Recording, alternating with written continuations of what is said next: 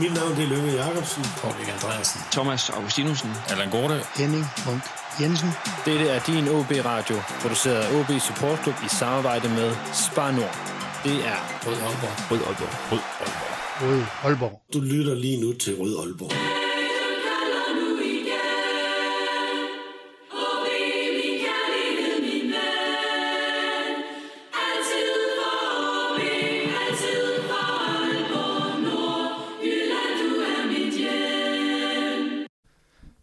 Velkommen til denne udgave Rød Aalborg, en podcast om OB, produceret af OB Support Club i samarbejde med Spar Nord og alle jer, der støtter os på tier.dk. Mit navn er Lasse Hegnet, og velkommen til den første af to af årets øh, sommerudsendelser i Rød Aalborg. Det er et par udsendelser, hvor det handler om noget andet end det, der sker på OB's baner, selvom forberedelser til den kommende sæson på banen er i fuld gang. Jeg var ude på Hornevej i dag og se holdet træne, og der mangler jo desværre ikke nogen på grund af EM, kun på grund af skader og det er ikke skader, vi skal tale om i dag, men vi skal tale om EM og OB'erne og dem, der ikke er på landsholdet. Vi kommer selvfølgelig også til at tale om den, der er på landsholdet. Det er jeg helt sikker på, at vi kommer til at fylde rigtig, rigtig meget. Det har i hvert fald fyldt øh, meget for mig at se Joachim Mæle de sidste mange landskampe. Øh, til at tale om øh, OB og landsholdet, så har jeg med her i AC-lokalerne i Vestbyen Mikkel B. Ottesen, tidligere sportsredaktør på Nordisk. Velkommen til dig, Mikkel. Tak. Og tidligere formand for OB Support Club, Mads Ågaard. Velkommen til dig, Mads. Tak. Øh, det er jo svært ikke at være begejstret for landsholdet i, øh, i de her dage. Øh, også vi kommer vi til, i den her udsendelse til at tale om øh, det, jeg kalder Nordjyllandsholdet. Øh, vores repræsentant Joachim Mæl, han gør det jo rigtig, rigtig godt. Øh, hvordan, har I, øh, hvordan har I oplevet EM, for nu lige at tage den på den her helt generelle til at starte med, Mikkel? Jeg tager den lige endnu et generelt skridt ud, for du har begået den store, store fejl, Lasse, ikke at lave noget for interview før øh, den her udsendelse. Øh, hvilket øh, kommer til at resultere i to ting. Jeg er nødt til lige at starte med at sige, at indtil øh, Christian Eriksen på tragisk vis faldt om med et hjertestop, der har jeg faktisk været i en selvvalgt landsholdskarantæne på Jamen, det forstår jeg næsten, godt. næsten tre år. Men det forstår jeg godt, du har været. Det er sådan, det er sådan en helt anden ting. Så en mand, så en mand, der dybest set har næret en mistillid til landsholdet, inviterer du ind for at snakke om landsholdet. Jeg går ud fra, at du har en holdning til OB og landsholdet. Jeg driller Lasse. Nej, du gør jeg. Du Jo, er meget gør. seriøs. Jo, det gør jeg. Det gør jeg. Jeg har oplevet EM, og det, nu, er- nu er jeg helt uden øh, shit her. Jeg har oplevet EM som den største øh, fællesskabende fodboldbegivenhed siden øh, 1992.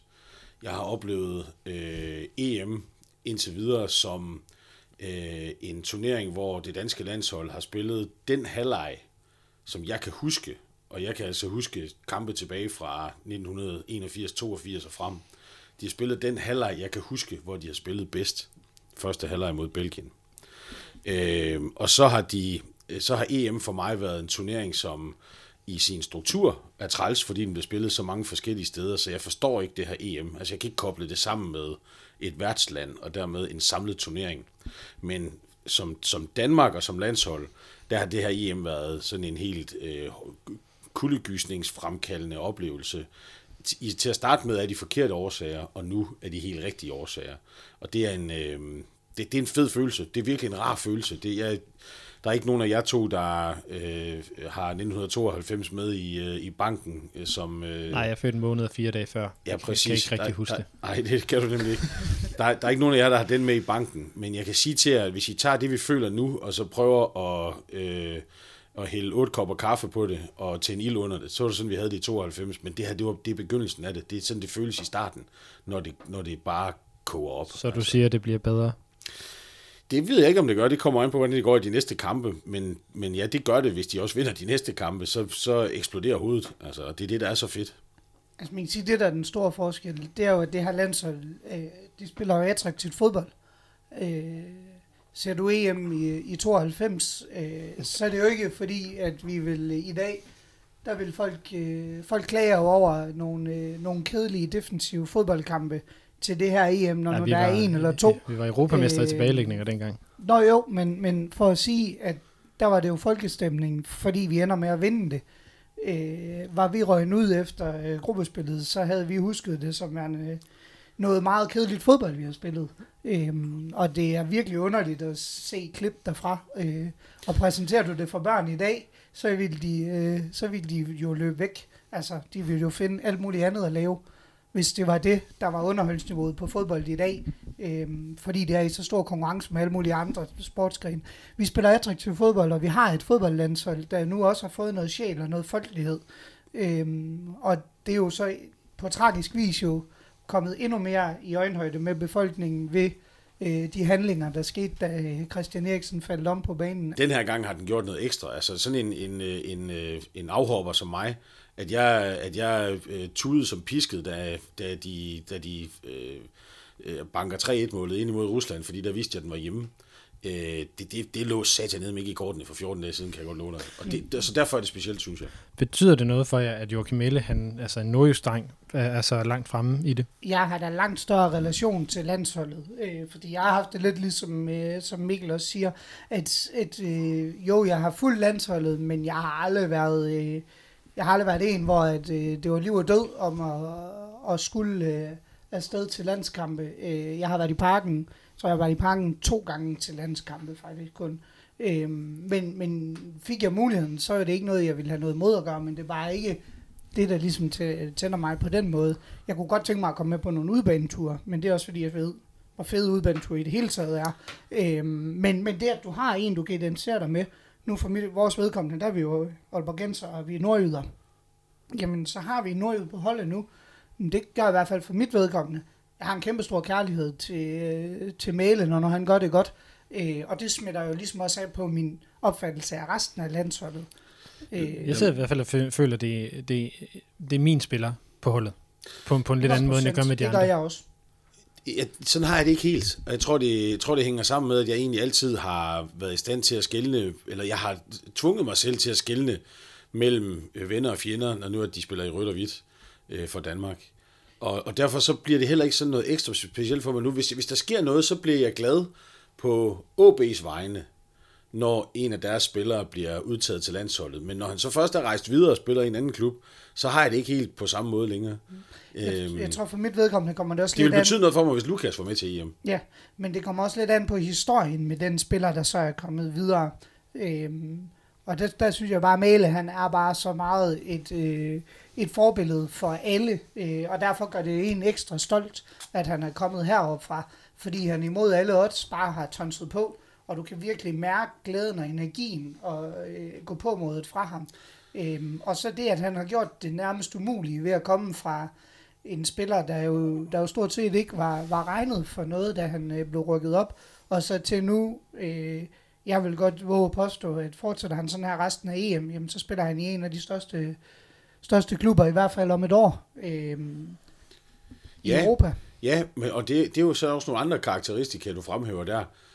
Jeg, jeg kan godt lide at se Joachim Mæle spille, fordi at han er en blændende dygtig spiller. Ja. Og han er en energisk spiller, og han er en sympatisk spiller. Og ja, jeg synes også, det er hyggeligt og sjovt, at han står efter kampen og står og sender hilster til alle dem hjemme i Østerbro. Og altså, det synes jeg er hyggeligt. Og jeg synes også, som, som nordjyde, tænker jeg også, det skulle da fedt, der er nordjyde på holdet. Men når han ikke spiller for OB længere, så for mig det er det ikke en OB-spiller, der er på landsholdet. Det kan godt være, det er en gammel OB-dreng, der er på landsholdet, men det, for mig det er bare ikke en OB-spiller længere. Nej. Men det er nok bare, det, det, jeg tror, ja, det, det, er en, det er en, jeg synes, det er en interessant distinktion, om ikke andet. Fordi det, som, som jeg gerne vil hen og tale om til at starte med, fordi vi har jo haft rigtig meget snak omkring det her med OB'er, som ikke lykkes på landsholdet. Det kommer vi til at snakke rigtig meget om, hvorfor de ikke gør, forhåbentlig uden at falde i klichéen mere end et par gange. Men lad os prøve at starte med det her med, hvorfor er det, at Mæle er øh, at lykkes for med at komme igennem på landsholdet. Og, og der kan det være, at jeg allerede falder ikke til nu ved at spørge, er han, er han et klassisk OB-produkt? Er han det her underdog-værk? Eller hvad er det for nogle dyder, som, som, som du var lidt inde på det, Mikkel? Øh, både, både og, fordi vi har jo også fået skudt i skoen af, at alle er alt for trygge i forhold til at komme til udlandet. Og det, øh, det synes jeg jo, det modbeviser han jo med at have mentaliteten til at kunne gebære sig i, øh, i udlandet. Det har vi jo fået skudt i skoene rigtig mange gange, at øh, nordiske drenge, de er ikke... Øh, de er ikke mentalt stærke nok til at kunne, øh, kunne slå igennem. Men jeg synes jo samtidig, at han har rigtig mange af de der OB-dyder med med hårdt arbejde. Øh, han, er ikke, han er ikke blevet for fin øh, i forhold til, at han stadigvæk husker, hvor han kommer fra. Øh, og det er i hvert fald noget af det, der bliver dyrket ude på Hornevej, og som vi øh, som nordjyder rigtig, rigtig godt kan lide at, øh, at høre Og, fra nu, det, og det er virkelig ikke for at være på tværs, men hvis jeg nu lige knipser med en finger, og så siger vi, nu prøver vi lige at spole tilbage, nu lader vi som om vi alle sammen holder med OB. Vil de så ikke sidde og sige også, at nogle af de gode gamle OB-dyder, som hårdt arbejder og ikke Jo. er for fint til at komme. Så man kan sige, i virkeligheden er det jo hans personlighed. Mm. Og så, ja, så er han knyttet til OB, fordi han er fodboldopdraget der, og til Nordjylland, fordi han er opvokset her. Men i virkeligheden er det jo hans personlighed, der har skabt ham hans succes, fordi han står ikke og træder sig selv over tæerne, hverken når han spiller fodbold, eller når han taler med folk bagefter. Og det er der jo mange af de spillere, som vi tidligere har talt om, der ikke har været i stand til helt at bryde igennem, som måske i virkeligheden har haft større sådan fodboldfagligt talent. Hvem tænker du øh, på her? Jamen, Vi, det, vi, vi, altså, der, er, der er ikke så mange OB'er, der har været på landsholdet, så vi, vi kommer til at tale meget konkrete navne, forestiller jeg mig. Jamen altså, hvis vi nu for eksempel tager den sæson med, med, øh, med, med Lukas og øh, Nikolaj og med øh, Kusk, som... Øh, Lukas blev nok lige solgt i starten af den sæson. Men, ja, men, men, men Ni- Nikolaj Kusk, så lad os, lad os, lad os fokusere mm. på de to. Nikolaj Kusk. Øh, begge de to spillere spillede i den sæson, synes jeg, fodbold, der pegede i retning af, at de var kommende landsholdsspillere. Øh, og det eneste, der har forhindret, at de er blevet det, det er dybest set den, øh, det, som vi sidder og taler om her, at man bliver skudt i skoene. Altså en, ikke en forkert attitude, for det er sgu ikke noget, de bare sådan lige kan lave om på. Det handler om et eller andet sted om, hvad det er, hvordan man er programmeret fra naturens side i hovedet, tror jeg. Øh, hvor Mæle han bare er programmeret på en anden, side, på en anden måde i hovedet, fordi han, han har ikke, han, han, han, han lader sig ikke, ikke engang slå ud af kurs. Han bliver stærkere af modgang, virker det som om, for mig i hvert fald. Mm. Ja, og så tror jeg, altså man skal også huske på, der er jo nogle tilfældigheder. Altså Kasper Kusk har jo ikke forudset, at han kom til Holland for så øh, tre uger efter at være øh, klandret som, øh, som årsag til, at Alkmaar de lige pludselig ikke fungerede. Og i øvrigt få en ny træner, som overhovedet ikke kigger hans vej. Altså, det er jo sådan noget, og selvfølgelig påvirker det en, når man kommer ud første gang. Du sidder i en by, hvor du ikke kender nogen. Det tror jeg, at det, der, det er ikke... Øh, altså, Niklas Elenius får, får også nogle, øh, nogle mentale udfordringer, fordi ham havde vi da også set som en, øh, et kæmpe angrebstalent, da han kom, øh, da han kom til Villa. Altså, de findes jo alle steder. Du har en Chores Okora, der også kom til, til Villa. det var så måske mere skaden, Øh, han, han fik, end, end så meget Jo, jo, men, men, men igen, det er jo også en, en tilfældighed, der gør, at han ikke brager igennem. Fordi havde du set ham efter Nordsjælland-tiden sammen med Bjerland, så havde vi da tænkt, at han var en kommende central øh, midterforsvar for at udvikle sig jo, til det. Jo, rigtigt, men jeg må, jeg må bare samtidig sige, at med begge de to, øh, Helenius og Okora, da de kom til Aston Villa, der tænkte jeg med det samme, at det bliver ikke godt. Nej, jeg ved heller ikke, om jeg vil tænke det Helenius som værende en, øh, en potentiel øh, første angriber øh, på den måde, men, men han var jo stadigvæk en, man havde en tro på, der måske kunne udvikle sig til at blive, øh, blive en øh, Men det handler måske om, en et midter, det handler måske om det midterstep, som Mæle jo også tog i Belgien, for så at tage et, et højere Ja. step bagefter, og nu måske det næste høje step, allerede om et år, eller ja, hvem ved, fodbold er mærkeligt. Det, det kan være, det er om tre uger, altså, mm. Who knows. Hvis, hvis vi lige hopper tilbage til det her med, øh, fordi Melle har jo på nuværende tidspunkt fået 12 landskampe. Det har jeg sådan regnet mig lidt frem til på baggrund af det Bus landsholdsdatabase, at det er gennemsnittet af de OB'er, som har været på landsholdet, af den gruppe på, mener det er 37 OB'er, der har været på, øh, på landsholdet. Nu vil jeg lige dobbelttjekke det her. Nej, 47, undskyld. 47 OB'er har spillet A-landskampe, men det er så gennemsnit altså 12 kampe. Ja, til langt størstedelen af dem har jo så spillet under 10, kan vi jo regne ud. Ja, det har de nemlig. Øh, ved I, hvem de tre øverste er med flest landskampe? Jeg gætter på, Jes Høgh må være en af dem, ikke? Korrekt. Jesper Grønkjær. Grønkær er dem med flest. Så Høgh og Grønkær. Og så skal vi lige en tand længere tilbage. Ja, Han var anfører, kan jeg lige Og fortælle. øh, Munken. Yes. nej, selvfølgelig. Ja. Så det der er, vi tager top 3, det er Jesper Grønkær med 80 landskampe, Henning Munk med øh, 62, og så Jesø med 57. Og derefter så er der et kæmpe spring ned til Henrik Dalsgaard og Kjeld Torst, der er delt fjerdeplads på 26 kampe. Hvad er det, de der tre øverste? Hvad, hvad havde de? Altså jeg ved godt, at vi, der er ikke nogen af os, der kan huske Munken, men, men øh, hvad er det, de tre, de har kunnet? Du Så, behøver ikke sidde og kigge sådan på mig. Jeg kan ikke huske munken. Så gammel er jeg. Nej, nej, nej. Ikke som spiller i hvert fald. Jesper Grønkjær er jo nok den øh, OB-spiller, der har haft det højeste øh, niveau øh, sådan spillemæssigt, og han har jo været på nogle adresser, der har været rigtig, rigtig flotte. Øh, og så havde, altså, han havde jo, han havde jo flere for fodboldspillet, øh, offensiv profil i rigtig mange år på landsholdet. Jo, men det der kendetegner de tre, eller så fællesnævneren for de tre, der, de kunne også have fået øh, rigtig mange kampe på det øh, engelske landshold, på det belgiske landshold, på det franske landshold. Altså, ja. det, er jo, det var europæiske topklassespillere, vi snakker mm. om her jo. Øh, at, at øh, nogle af dem, nok især Jesper Grønkær i virkeligheden, kunne have fået endnu mere ud af sit talent. Det er så en anden historie. Ja. Men det, at han fik det der ud af sit talent, er jo fantastisk, og vidner bare om, hvor god han var. Og det er det, der er fællesnævneren for dem. Det er, at der er jo også et spring fra Jesper Grønkær pardon me, nu spiller han så også i FC Midtjylland, så må vi gerne, der er et spring fra Jesper Grønkær til Henrik Dalsgaard, ikke? Jo, det er der, øh, og det er det, som, som jeg også lige vil sige, fordi jeg var lige inde og tjekke, fordi 80 landskampe er selvfølgelig mange, det er der ikke nogen tvivl om, men jeg vil lige prøve at finde ud af, hvor mange er det egentlig, der ligger deroppe af. Og jeg fandt ud af, at øh, det er meget, meget få. Så jeg prøver at sætte grænsen omkring de 60 landskampe. Det er altså kun 36 spillere, altså gennem hele øh, DBU's historie, der har nået mere end 60 landskampe. Ja. Så det vil sige, det her med at, at ligge på 57, som jeg søger gør, er ret unormalt. Det, mm. det er et meget højt antal. Så, mm. så jo, jo og, at, og at man kan sige, at OB har omkring 10% af de spillere, der har nået det antal landskampe, svarer jo også meget godt til klubbens position og størrelse i dansk fodbold. Altså, i forhold til, hvad man skal levere. Ikke? Mm. Så hvis vi ser historisk på det, så er det jo absolut godkendt. Altså. Jeg prøvede også lige at løbe igennem for at prøve at finde ud af, om der var nogen, et, altså I ved, sådan en ensretning i forhold til, hvor de her klubber, eller hvor de her spillere, de kom fra rent klubmæssigt. Og der er der øh, frygtelig mange AGF'ere faktisk, eller frygtelig mange, det er måske meget at sige, der er måske fire af de her 37, og det er så måske det antal, der er højst altså i forhold til, hvor de har fået deres fodboldopdragelse hen. Mm. Så det er jo meget bredt spredt ud. Jeg troede faktisk, det havde været mere centreret omkring Brøndby. Det kan også være, at det bliver det om hvis vi kigger 5-10 år frem, at det så bliver mere centralt omkring Nordsjælland. Den her statistik er jo også, at nu spiller de flere landskampe, end de nogensinde har gjort før, og derfor bliver det også lettere at nå 60 landskampe.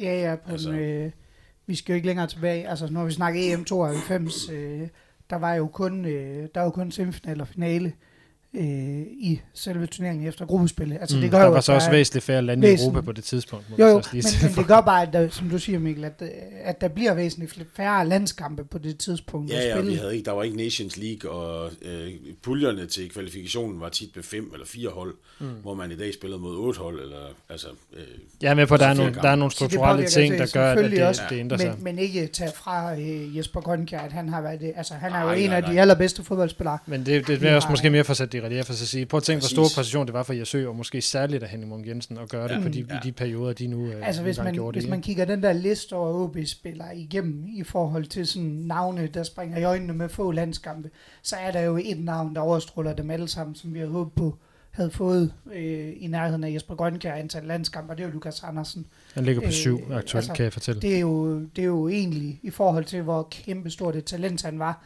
så er det jo, så er det jo ærgerligt, at, man, at det aldrig er lykkedes ham at forløse sig Øh, fordi han skulle jo have været, han skulle have været en øh, på niveau med, med Christian Eriksen, øh, hvis alt var, alt var gået som, øh, som det så ud som, som men, men det, men det, han igen, skifter til Ajax ja, og slår igennem dernede. Ja, og det er jo igen det der med de små forskelle, og det kommer til at lyde så forkert. Jeg kunne også godt høre det før, da jeg sagde det med, hvordan man er programmeret i hovedet.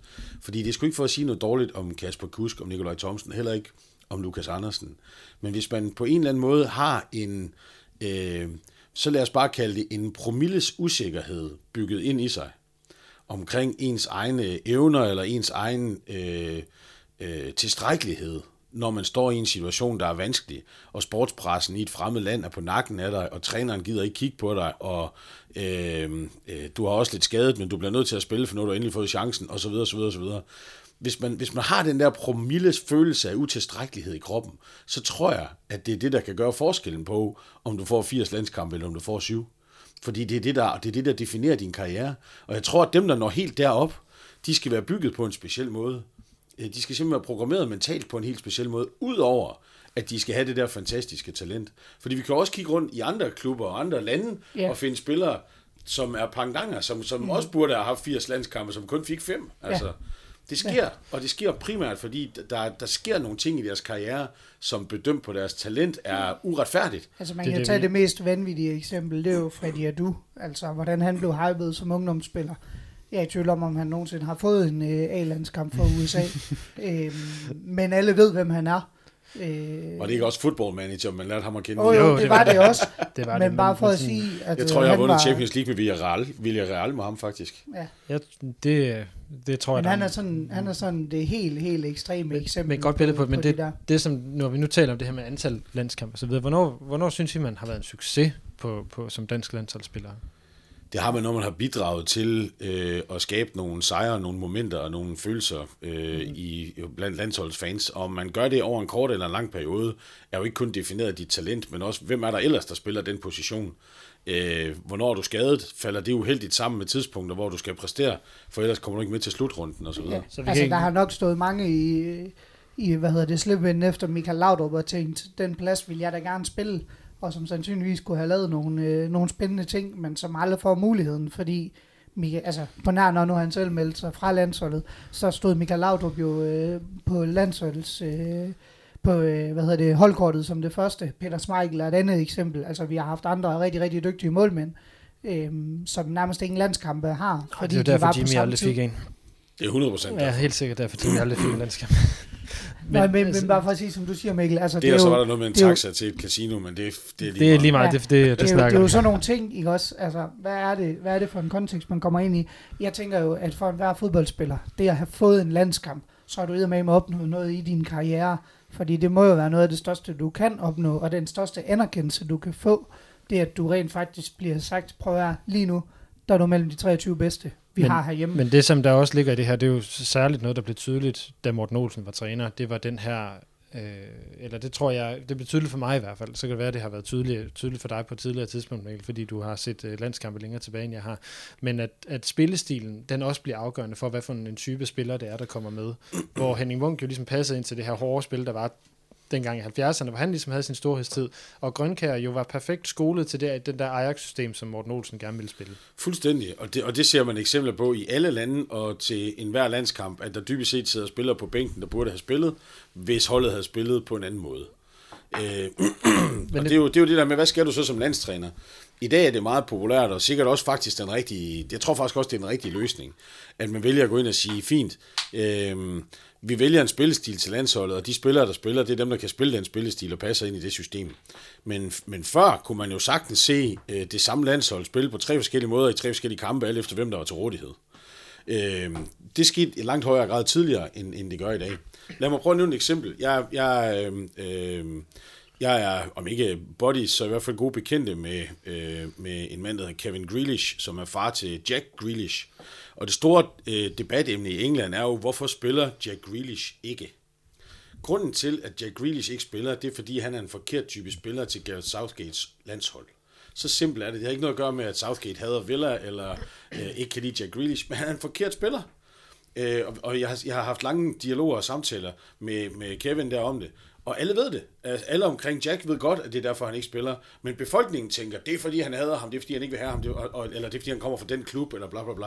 Det handler om system, og det handler ikke om skide andet end system. Vi har da heller ikke set, altså Mikkel Damsgaard havde jo aldrig lavet Damsinio-målet, hvis ikke Christian Eriksen, han var ude. Aldrig.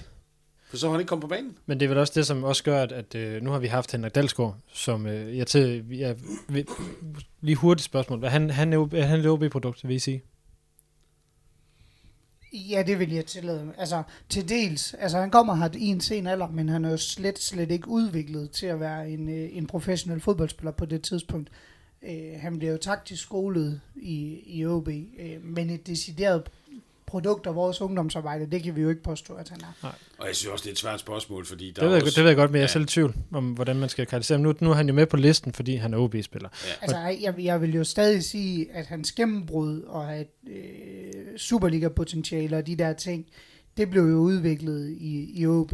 Øhm, var han ikke lykkedes med at slå hjem på højre bak, så var han ikke blevet, øh, så er han ikke blevet landsholdsspiller, og så er han ikke blevet, øh, så er han sandsynlig, det kan man aldrig vide, men så er han nok aldrig blevet en, øh, en markant øh, profil, hverken i Superligaen eller andre steder. Øhm, fordi der var jo ikke noget, der tydede på overhovedet, at han kunne slå igennem som angriber.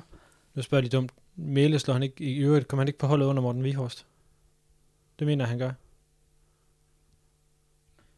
Der blev helt stille. Ja. ja, fordi hvor langt er vi tilbage? Så er vi tilbage i, det var Lars Søndergaard, der var før, er vi ikke enige om Jo, det? det var det. Jo, så har det været under... Men det er mere for at sige, at der er jo også noget omkring Mæle, der selvfølgelig passer til systemet, men det var også min pointe med det, det er, at uh, Henrik Dalsgaard og, og Joachim Mæle er jo blevet skolet efter det her moderne baksystem. Altså de passer perfekt ind i den måde, som en bak skal spille på i dag, særligt på det danske landsholds uh, måde at spille på. Ikke? Så det er vel også det, der gør, at vi lige nu, eller kunne kigge, til at kigge tilbage på 10'erne og 20'erne her som en periode, hvor vi havde nogle enormt dygtige baks fra, fra Aalborg. Jo, men, men jeg vil nu sige sådan en som Mæle, han er jo, han er jo blevet videreudviklet til et, øh, og perfekt i et system med en trebakkæde, hvor at han har fuldstændig frit mandat til at løbe fremad. Øh, Men- I en firebakkæde, der vil der være langt større ansvar for ham defensivt. Øh, jeg har ikke set nok kampe med ham, efter han er kommet til udlandet, men det var jo hans, øh, det var hans udfordring, da han var i OB. Så det, du Det det var siger, det er, at Christoffer Pallesen vil også gøre det fremragende på landsholdet. Nej, det vil jeg bestemt ikke sige. øh, ikke, ikke et ondt ord om, øh, om Palle, øh, men, men, men der, er- der er nok alligevel et, et stykke til. Men, men Mæle har bare øh, en kæmpe offensiv flair, og han er, han er fuldstændig perfekt skolet til den der øh, wingback-rolle, som han har på landsholdet, og som han også spiller i Atalanta, hvor, et, øh, hvor at han virkelig kan bruge sin motor og sin fysik. Og det er jo det mest geniale sted for ham at komme hen. Det er jo lige præcis Atalanta, fordi der, der passer hans kompetencer perfekt ind, og han kan blive endnu skarpere til det, han kan. Så skarp, at han kan komme til at spille i en af de bedste klubber, hvis han fortsætter sin mm. udvikling 100%. Jamen. Og man kan sige, at i en af de bedste klubber, der spiller du, selvom du spiller i en firebakkæde, så har du så dygtig øh, en organisering på banen, at du vil have din backs til at være lige så offensiv, som de typisk er i et, øh, ja. i et øh, trebakkssystem, hvor du spiller med wingbacks. Men det, det, som der er interessant i at hive det frem, det er jo netop at så sammenligne ham med en, som er nogenlunde jævnaldrende, nemlig en Oliver Appelgaard, som jo er ved at udvikle sig til en, en meget markant spiller i den, i den russiske liga, men hvem er det så, han skal ligge og slås med lige nu? Det er jo Pierre, Pierre Emil Højbjerg. Det betyder nok, at han ikke får så frygtelig mange landskampe. Jo, men der er til gengæld, kan man sige, der er, der er ikke så meget juice tilbage i, øh, i, øh, i Thomas Delaney. Altså, jeg ved godt, han kommer sikkert til at spille øh, VM næste år også, men, øh, eller i hvert fald kvalifikationen nu her, øh, så må vi se, om de kvalificerer sig, men øh, der er ikke så meget de juice. spiller det, Hvad? eller om de overhovedet spiller det. Eller om de overhovedet spiller det. om der overhovedet bliver jul næste år, vi ved Ja, det det, ikke.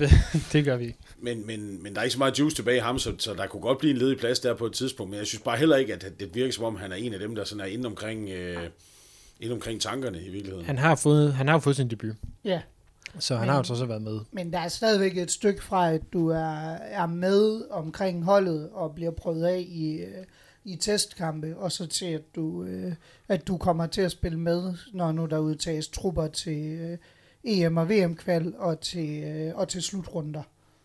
Og så er det også lidt uforudsigeligt, fordi vi, der er ikke, altså, jeg kan faktisk ikke sådan præcis sige, hvad er egentlig niveauet på en russisk ligakamp.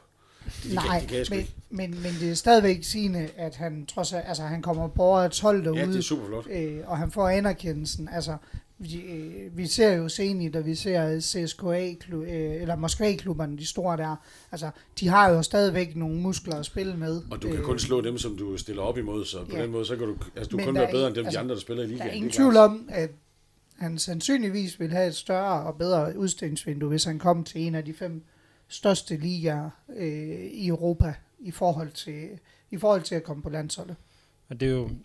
Ja, men det, nu, det, det er blevet et andet sted hen, end der, hvor jeg egentlig ville, ville, ville, ville hen med det her. Fordi det er Sådan jo, er det med os. Ja, men det, det er jo interessant nok, fordi det er jo det, er det der forklarer, hvorfor OB ikke udvikler flere spillere til landsholdet. Fordi det er jo et eller andet sted, det der er interessant nok. Øh, og det er jo så det, som der så måske bliver spørgsmål. Hvad kan vi forvente, at OB leverer? Eller hvad, hvad, hvad er et succeskriterie for OB at levere i forhold til, nu tænker jeg på antal af, af spillere, der er i en landsholdstrup. Jamen, der er den sgu lidt igen. At jeg, ved, jeg tror ikke, at jeg, jeg, jeg ved ikke, om man skal måle en klubs øh, succes, eller at det overhovedet er et parameter i en klubs succes, hvor mange spillere, der kommer på landsholdet. Det er selvfølgelig en gave øh, til ungdomsarbejdet, hvis der kommer spillere, som har fået hele sin fodboldopdragelse i klubben, som kommer videre, kommer på landsholdet, bliver store stjerner. Javel. Men selve det at blive udtaget og få fire kampe, og så ikke rigtig slå igennem, det kan man jo ikke rigtig bruge til noget alligevel. Altså, det, det er jo ikke, det batter jo ikke noget, hverken for spillerne eller for klubben. Altså. Nej, og så, så må man sige, at herhjemme, der er meget få spillere, der bliver udviklet i den danske Superliga, som bliver gode nok, mens de er i den danske Superliga, til rent faktisk at blive A-landsholdsspillere. Lige nu har vi Jonas Vind, der ligger på vippen til at, at være frontangriber for os. Øhm, altså, han er rigtig, rigtig dygtig, men, men øh, havde vi en topangriber ude i Europa, jamen, så spillede han jo ikke på landsholdet som, som førsteangriberen. Så det kræver typisk, at de skal ud i øh, en e-, europæisk klub og bevise sig der og videreudvikle sig der, før at de har niveau Men det er jo så det, der også, til det er jo så også det, der er spørgsmål, fordi nu, fordi nu, nu tænker jeg også også Joachim Mæle som en OB'er i det, eftersom han er kommet ud af OB's system, og det, det tror jeg også godt, Ja, I, I er med på, men- det det, der er tanken i det. Ikke? Fordi Silberbauer vil jeg også tænke som et OB-produkt, som også ender på Det- omkring de her 25 kampe. Mm. Men, men det er vi fuldstændig enige om. Men, men Mæle bliver først en landsholdsspiller i det, at han bliver videreudviklet i udlandet. Jeg er med på, og det er ikke for at tage LOB ned det her, øh, for mit vedkommende, fordi jeg vil elske, som jeg også har givet udtryk for, jeg vil elske, at der er OB-spillere på landsholdet. Men det er for at sige, at det er mega svært at udvikle en øh, spiller, som på baggrund af sine præstationer i Superligaen kan blive fast landsholdsspiller. Øh, der skal noget ganske unikt til. Der skal du op i et talent eller Daniel Lager. Øh, måske Lukas Andersen, hvis han var blevet i Superligaen, kunne have gjort det. Øh, altså, du skal op i nogle helt unikke øh, Ret, skabninger. ret beset, så ved vi det jo ikke øh, så godt i virkeligheden, fordi de, Nej, de, de spillere, der har de der kompetencer, de ryger til udlandet. Men, men så bliver de jo også videreudviklet ved et, ved et konkurrenceniveau, der er væsentligt højere end den danske Superliga. Det gør, de gør de garanteret, men jamen, det gør de, og det, det, kan vi, det kan vi sådan set ikke, det kan der ikke være ret mange meninger om, at de bliver dygtigere af at spille i bedre klubber mod bedre modstandere. Men, men jeg tænker ikke, at det er umuligt, at en spiller, som af den ene eller den anden årsag ikke vil til udlandet, kan komme på landsholdet, hvis han er dygtig nok. Nej, det tror jeg heller ikke øh, nødvendigvis, at det er, men, men så kan det også være, at jeg fik det formuleret, men de vil bare ryge til udlandet, Det vil de. øh, vil før at Men de hvis vi- men Men, hvis når vi, i- hvis, men hvis vi har slået 90 fast, at, af at, 100 at, at der er så mange parametre, der afgør, fra en spiller forlader OB, eller AGF, eller Brøndby, og tager til mellemtrinet, en klub i Belgien, Holland, øh, tyske anden Bundesliga, sådan noget, Schweiz, sådan et Rusland. Eller andet. Rusland. Rusland, lige præcis. øhm, fra de tager dertil, og så tager det næste trin, og der bliver landsholdsspiller, og så forhåbentlig tager et trin mere og kommer til at spille i en, en af de større klubber i en større liga. Der er der så mange parametre, der afgør, kan det her lykkes for mig? Et af dem er det mentale, noget andet er held og uheld med skader, fysik med skader. Altså, hvis du er meget injury prone, så, så kommer du ikke dertil. Lukas, du- For eksempel. Tillander. For eksempel. Men, men, og det er det, jeg siger, der er så mange parametre, så det er jo svært at sige, det skal OB gøre for at udvikle flere landsholdsspillere. Fordi jeg synes sgu egentlig, de har et godt nok øh, sådan flow ud af klubben til spillere, der, der kommer ud og får chancen. Vi har tidligere haft diskussioner i præcis det her forum. Jeg kan ikke huske, om du var med, Mads, men jeg kan i hvert fald huske, at du var, hvor vi sidder og snakker om... Jeg er jo altid med her, Mikkel. Nå ja, det, sgu det, det synes jeg også, jeg er.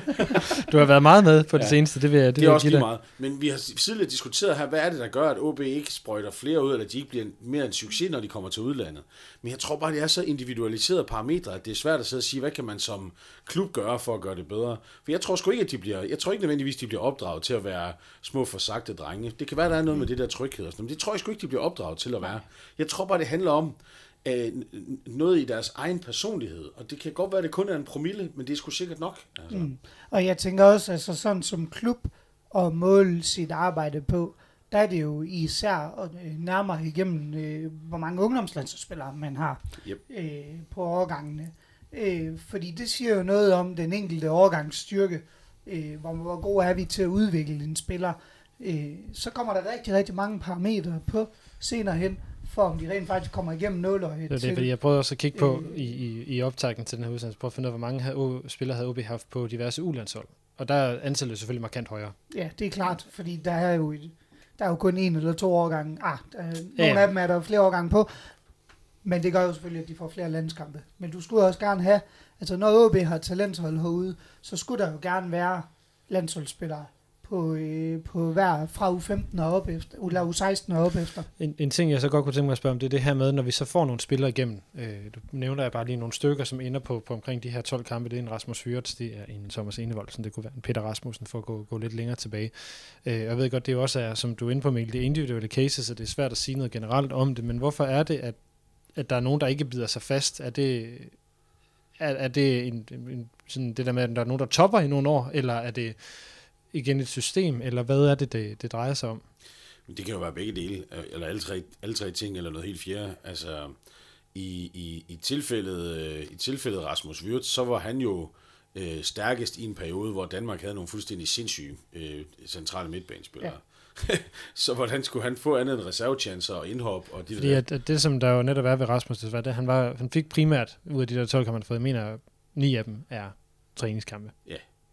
Præcis, hvor de andre ikke kunne spille. For, den ene eller skulle spares. Eller, Ja, eller man, eller han skulle ses an for at se, om han, han Ja, ja, måske om- skulle ind og, og have ja, eller man flere kunne være den næste. Ja. Ja, om, om, om lidt. Og man kunne være den næste om lidt. Ikke i morgen, men om lidt. Ikke? Mm. Eller, eller i hvert fald første reserven Ja. til de andre. Øh, og der kan man sige, der, der, var desværre så mange rigtig, rigtig dygtige midtbanespillere. Og så kan man sige, Rasmus lykkedes jo ikke med det forsøg på at tage et mellemtrin, før han ville til udlandet. Hvis man kan kalde FCK det. Nå, han, han ville jo heller ikke til Øh. udlandet. Han havde jo muligheden til at komme for, til Santander Ja. øh, på et tidspunkt. Så. Øhm, og det, det, det var jo hans valg i forhold til karriereplanlægning. Og det lykkedes jo ikke, det trin, han så ville tage for at, for at udvikle sig og for at gøre sig mere øh, attraktiv i forhold til at komme på, på landsholdet. Øh, ifølge ham selv. Det kan man så diskutere, om man, man vil. Men, Det, det er jo så her, det bliver det, det, det interessante spørgsmål, som, som øh, Lønge jo var, var rasende over, det var, at der aldrig blev kigget mod Aalborg. ja, Eller det, følte han i det, hvert tror fald jeg, ikke. det tror jeg simpelthen ikke passer. nej, Jeg tror simpelthen ikke, det passer, jeg- fordi hvem, hvem i alverden vil gide at være landstræner, og så ikke tage de bedste spillere med? Hvem, hvem, hvad, skulle, hvad skulle pointen være? Altså, jeg, jeg forstår det ikke. Jeg har aldrig forstået det. Og det der med, at der ikke bliver kigget mod Aalborg, jamen når man sidder i Aalborg, så har man nok altid, eller centralt placeret i OB, hvis man er mister OB, så føler man nok altid, at OB er lidt højere på strå, spiller lidt bedre fodbold, har lidt bedre øh, ungdomsspillere, har lidt bedre øh, A-spillere, end, end, end den neutrale omverden ser det. Sådan er det jo tit, når man er dybt inde midt i det. Og derfor kan det godt sikkert føles indenfra, som om der er en eller anden skævvridning. Men jeg kan ikke komme i tanker om ret mange OB'er, hvor jeg tænker, hvorfor udtager de ikke snart ham? nej, man kan sige, Det kan og, jeg ikke. og den, den pulje af spillere, OB-spillerne typisk vil ligge i, jamen, der er nok også andre klubber, der kan våge at påstå, at deres spillere vil være i samme kategori og Præcis. føle sig forbigået. Præcis. Altså, det, den, den periode, der hentydes til, er jo Morten Olsen, uden tvivl. Ja, ja, det, og det, det var det i høj grad. Og der, der var der jo FCK. men, der spil, men der spillede og OB jo heller ikke en type fodbold for at gå tilbage til en, en, en Nej, som, som matchede men- Morten Olsen. men, Nej, jeg så Morten Olsen, han er bare sådan en no-bullshit-type, fordi han vidste jo godt, hvordan OB spillede, og han følte ikke, han kunne bruge spillere fra det system, så gad han sgu da ikke komme til Aalborg. Altså, hvad skulle han det for? Han kunne se nogle af kampene på tv. Og hvis der så pludselig opdagede, hvis han så opdagede et eller andet på tv, Men... som han skulle bruge eller kunne bruge, så var han da kommet. men, men jeg tænker bare, det er naivt at forestille sig, at DBU ikke har haft nogen til stede til OB's Ja. kamp. Eller- Selvfølgelig eller- har de eller- haft styr på, Og hvis man der kender Morten Olsen, så er det også nivet at tænke, at han ikke har set de fleste af OB's kampe, for det tror Ja. jeg, han har. Han, han, han brugte i den periode de fleste vågne timer af sit liv på at se fodboldkampe, og jeg tror, han så alle danske ligakampe, øh, men så dem på tv. Altså, han boede jo heller ikke i Danmark, altså. Nej, Så er det jo lidt svært. Nej, jeg, sy- jeg, synes, det var, jeg synes faktisk, det var super uretfærdigt. Det er ikke, fordi jeg, jeg, jeg var ikke stor Morten Olsen-fan som træner, faktisk. Men, men, men den der kritik, der blev rettet af ham dengang, som netop handler om det der med, hvorfor kigger han ikke mod OB, hvorfor sådan og sådan, den synes jeg simpelthen var så forfejlet. Altså. Så det, som vi har Men du konstateret kiggede her... på mig før. Hvem, hvem, Nej, det var fordi, jeg skulle til at, jeg skulle til at joke med, med om Christoffer Pallesen, han ikke var ved at kigge på. Beklager, Christoffer. Altid. Altid. Jamen, du ved da godt, jeg sidder der og hæpper på ham, øh, hver gang de spiller. Ja, jeg ved, du hæber på, om jeg kan høre det. Lige præcis. Som, øh, som de fleste Ej, øh, beklager, Christoffer, vi holder meget af dig. Du skal bare... Øh, skal længere end første stolpe, så bliver det rigtig godt. Nej, de skulle oprigtig kærlighed. Jeg synes, han gør det fremragende. Jeg, jeg, jeg synes virkelig, han er en af nøglespillerne på holdet. Det er helt oprigtigt. Ja, nu, nu skal vi ikke gå ind i detaljer omkring OB-spillet i de her podcast. Nej, Men han har i hvert fald udviklet sig, vil jeg gå så langt som at sige. det give jer helt ret. Ej, Og så sidder der et godt hoved på ham, og det er vigtigt. Ja, det, det gør der i, øh, i, i høj grad. Øhm, hvis vi prøver at kigge lidt fremad øh, i forhold til, til, til hvad hedder det, hvilke OB, der kan, altså de, dem, vi har på vej frem. Hvem, tror I så, der er et potentiale for, at der er nogen i den nuværende trup, der kan blive landsholdsspillere, eller kan, eller kan få øh, nogle kampe? Uh, den var... Det er lidt tough, Det var en presbal. Ja, for man kan sige, Mette sidder jo ligesom på Almans plads, og spørgsmålet om Alman, han kommer helt Ja, derop igen. Nej, det, det kan man godt tvivle Han på. har jo været inde omkring holdet herinde for de seneste Ja. års tid. Ja. Øhm, og det, man kan jo håbe på, at de ved jo, hvad han står for, og de ved, at han er stabil, og han er gedin for, øh, for en holdindsats. Så har du, har du brug for øh, en mand, der overholder aftaler, og du, øh, du ved, du får en hel hjerte indsats fra, så kan det jo godt være, at øh, Jakob Allmann står på det papir sammen med en række andre navne, hvor der jo nok også står Nikolaj Bøjlesen. Øhm, han, er, han er for mig i den kategori af ældre spillere, som man kan tage med, hvis man har brug for en, øh, en øh, hvad hedder det, en også for... for øh, En afprøvet backup, ikke? Jo, men, men også lidt for, øh, Ja, for sammenhold øh, på, i truppen. Og, Dybest set den rolle, som Sanka spiller ved det her EM, ikke? Altså, Jo, han er taget altså- med, fordi han ved, hvad han står for, han ved, han kender systemet, han kender alle de andre, og Ja. han er respekteret i truppen, og bla, alt det der. Lige nøjagtigt. Ja. Ja. Og er ikke en, der råber op, hvis ikke, øh, hvis ikke han kommer på banen i, øh, Nej. i lad os sige, fem EM-kampe. Men der kan man sige, der har Almen den bagdel, at han er jo ikke en integreret del af øh, hverken julemands hold eller, eller det forrige hold. Øh, så han vil ikke kunne spille den der hey, Godfather i kulissen-agtige rolle samtidig, og samt samle figur, Som Sanka kan. som Sanka et eller andet sted kan. Ikke? Ja, men og, øh, så, så er det jo det samme med Lukas, der jo heller ikke har fundet, og nu, nu er det nok også... Mod, Jeg tror oprigtigt på, at Lukas, nu jeg kan jo se de spillere, han har udtaget til landsholdet. Jeg tror faktisk, Lukas var kommet med i truppen, hvis han ikke havde øh, fået sin skade, og hvis han i øvrigt havde været i stand til at lige få en lille smule mere sving i formkurven hen imod det rette tidspunkt. Så tror jeg, han var kommet med i truppen. Det tror jeg, han var. Men jeg tror ikke, han var kommet til at spille nogen rolle ved EM. Øh, fordi vi har, der, der, der, er, så, der er bare, det er igen det der, lige nu der er der bare så mange dygtige spillere, så Lukas han skal være, Lukas han skal være på sit absolute topniveau, for overhovedet at blive indskiftet på det hold der. Ja, altså du kan jo tage, det kan være, du kan tage og se, hvor mange af de offensive spillere er, øh, er fra Superligaen. Men der har du Jonas Vind. Øh, Og men, jo, men Lukas, jo, men Lukas Andersen Men- var jo, ikke- var jo lang tid Superligans bedste spiller. ja, ja, det er fuldstændig enige om, Mikkel. Men det er bare for at sige, hvad niveau han skulle op på. Altså det Klart. vil være en Andreas Skov Olsen, en Mikkel Damsgaard, øh, ja. i den kaliber, han skulle, øh, han skulle slå af. Og hvis man så er Kasper Julemand, og man sidder og ser Mikkel Damsgaard gøre det, han gør ude på træningsbanen hver dag, vil man så ikke vælge at sætte ham ind i stedet for Lukas Andersen? Fordi ja, det ville da være fedt, hvis Lukas han havde fået 80 landskampe. Men bussen er lidt ved at være kørt, ikke? I forhold til 80 landskampe. Er bussen måske også ved at være kørt i forhold til, at næste generation, som kommer bagefter, de skal sgu ind. Mm.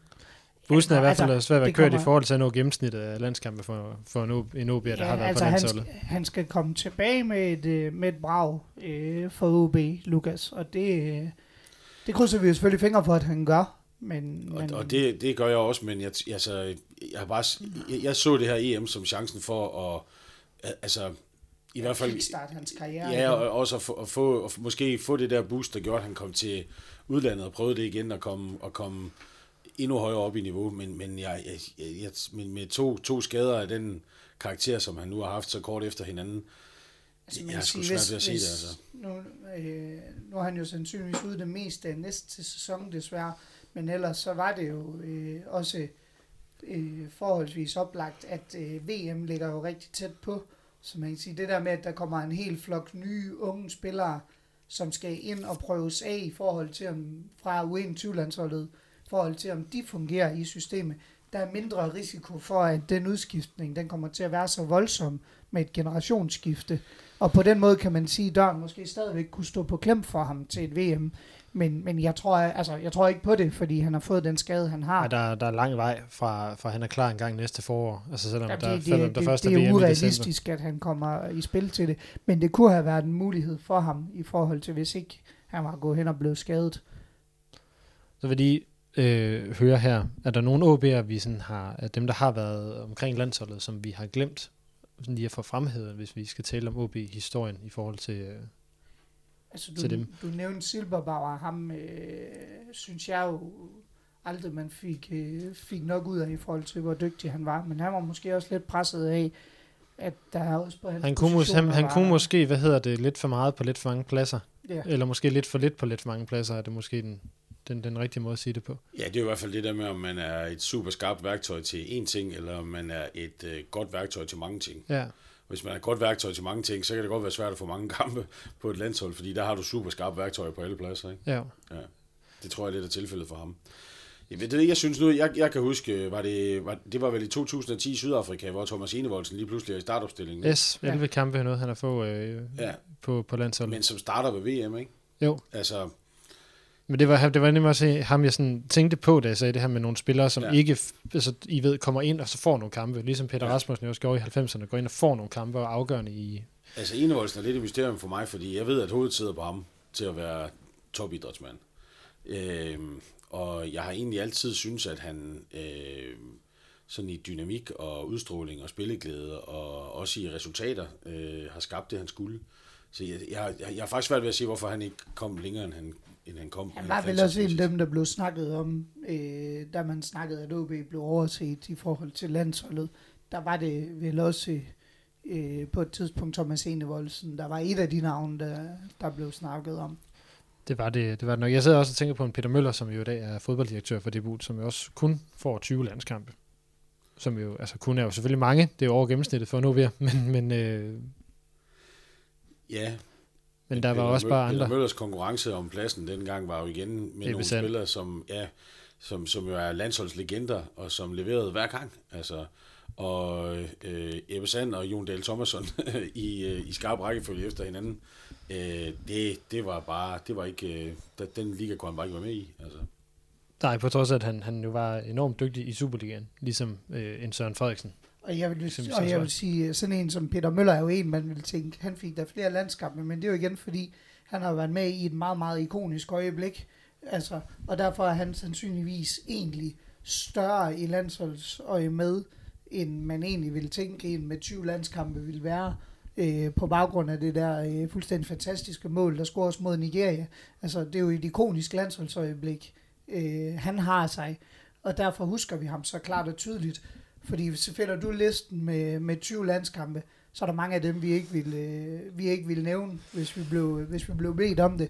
Men fordi vi har det her meget, meget klare øjeblik Ja. ja. med Peter Møller, så står han også bare frem i, øh, i hukommelsen for os. Det tror jeg, du har, du har helt ret i. Altså, Jeg prøv, så kan man prøve at overveje, hvor mange kampe man kunne have nået mellem 2004 og 2010, hvor der ikke var, Danmark ikke var med til nogle slutrunder i alle de kvalifikationskampe. Der kunne du nemt have spillet 30 landskampe, og Ja, ikke ja, have været klart. særlig, øh, Klart. været særlig øh, husket. Kasper Bølund.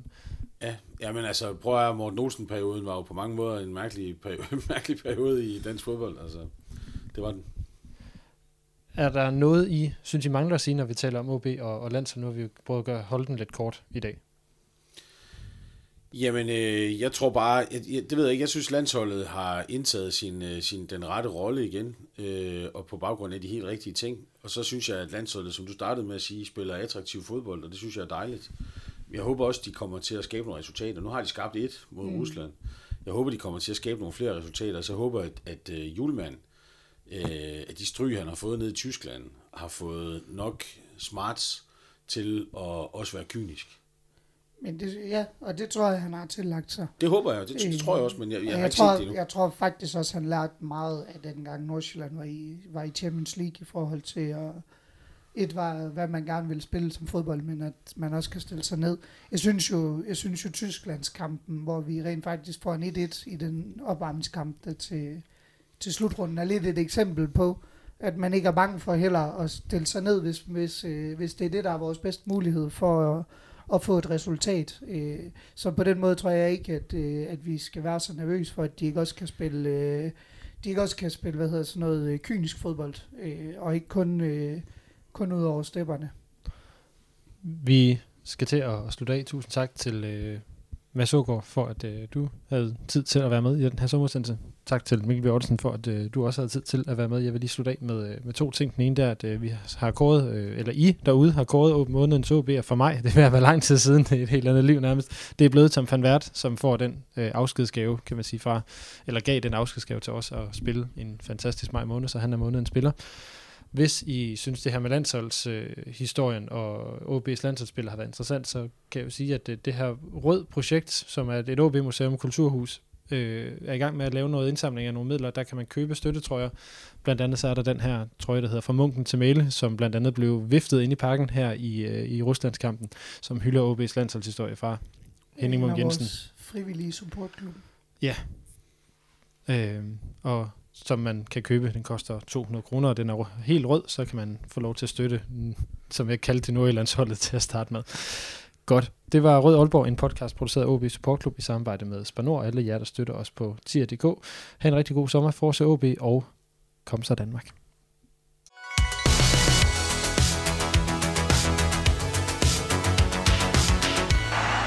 Du har lyttet til Rød Aalborg, din podcast om OB, produceret af OB Support Club i samarbejde med Spar Nord. Det er din fanradio, hvor du får aktuelle holdninger til spillet på banen, Jamen, øh, det, er svært ikke at være imponeret over OB's øh, ihærdighed og forsøg på at gøre sig irrelevante, når vi når til slutspillet. er tæt på, hvad der sker i klubben, But as I always said, money is not everything, and, and we need to work, find our edge. Lærer spillerne at kende. Pappa har också spelat fotboll, han gjorde det riktigt bra. Och nu är, nu är det min tur att försöka göra det bra. Så, så, så kommer det vara. Folk kommer snacka om honom och allt sånt. Och jag gillar det. Det är väl kul att ha haft en pappa som har, har gjort det så bra så att alla fortfarande snackar om honom. Og høre historier fra klublegender som Lønge Jacobsen, Paul Andreasen. Thomas Augustinusen. Allan Gorte. Henning Munk Jensen. Det er din klub, din fanklub, din fanpodcast. Rød Aalborg. Rød Aalborg. Rød Aalborg. Rød Aalborg. Du lytter lige nu til Rød Aalborg.